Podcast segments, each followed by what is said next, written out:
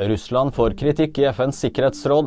Flere av medlemmene i FNs sikkerhetsråd rettet i natt norsk tid skarp kritikk mot Russland etter landets omfattende angrep på Ukraina, skriver NTB. Fredag ble minst 31 sivile drept og 160 mennesker såret i det største russiske luftangrepet siden fullskalainvasjonen av Ukraina startet for to år siden.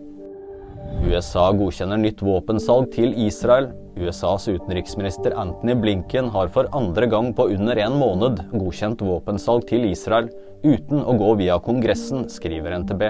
Det dreier seg om artilleriammunisjon og annet utstyr til en verdi av om lag 1,5 milliarder kroner.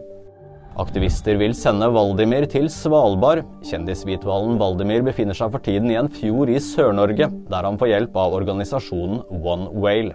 De sier Valdimir fremdeles oppsøker mennesker, og at det virker som han er ensom.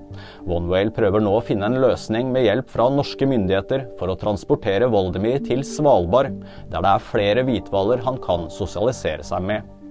Nyheter finner du alltid på VG.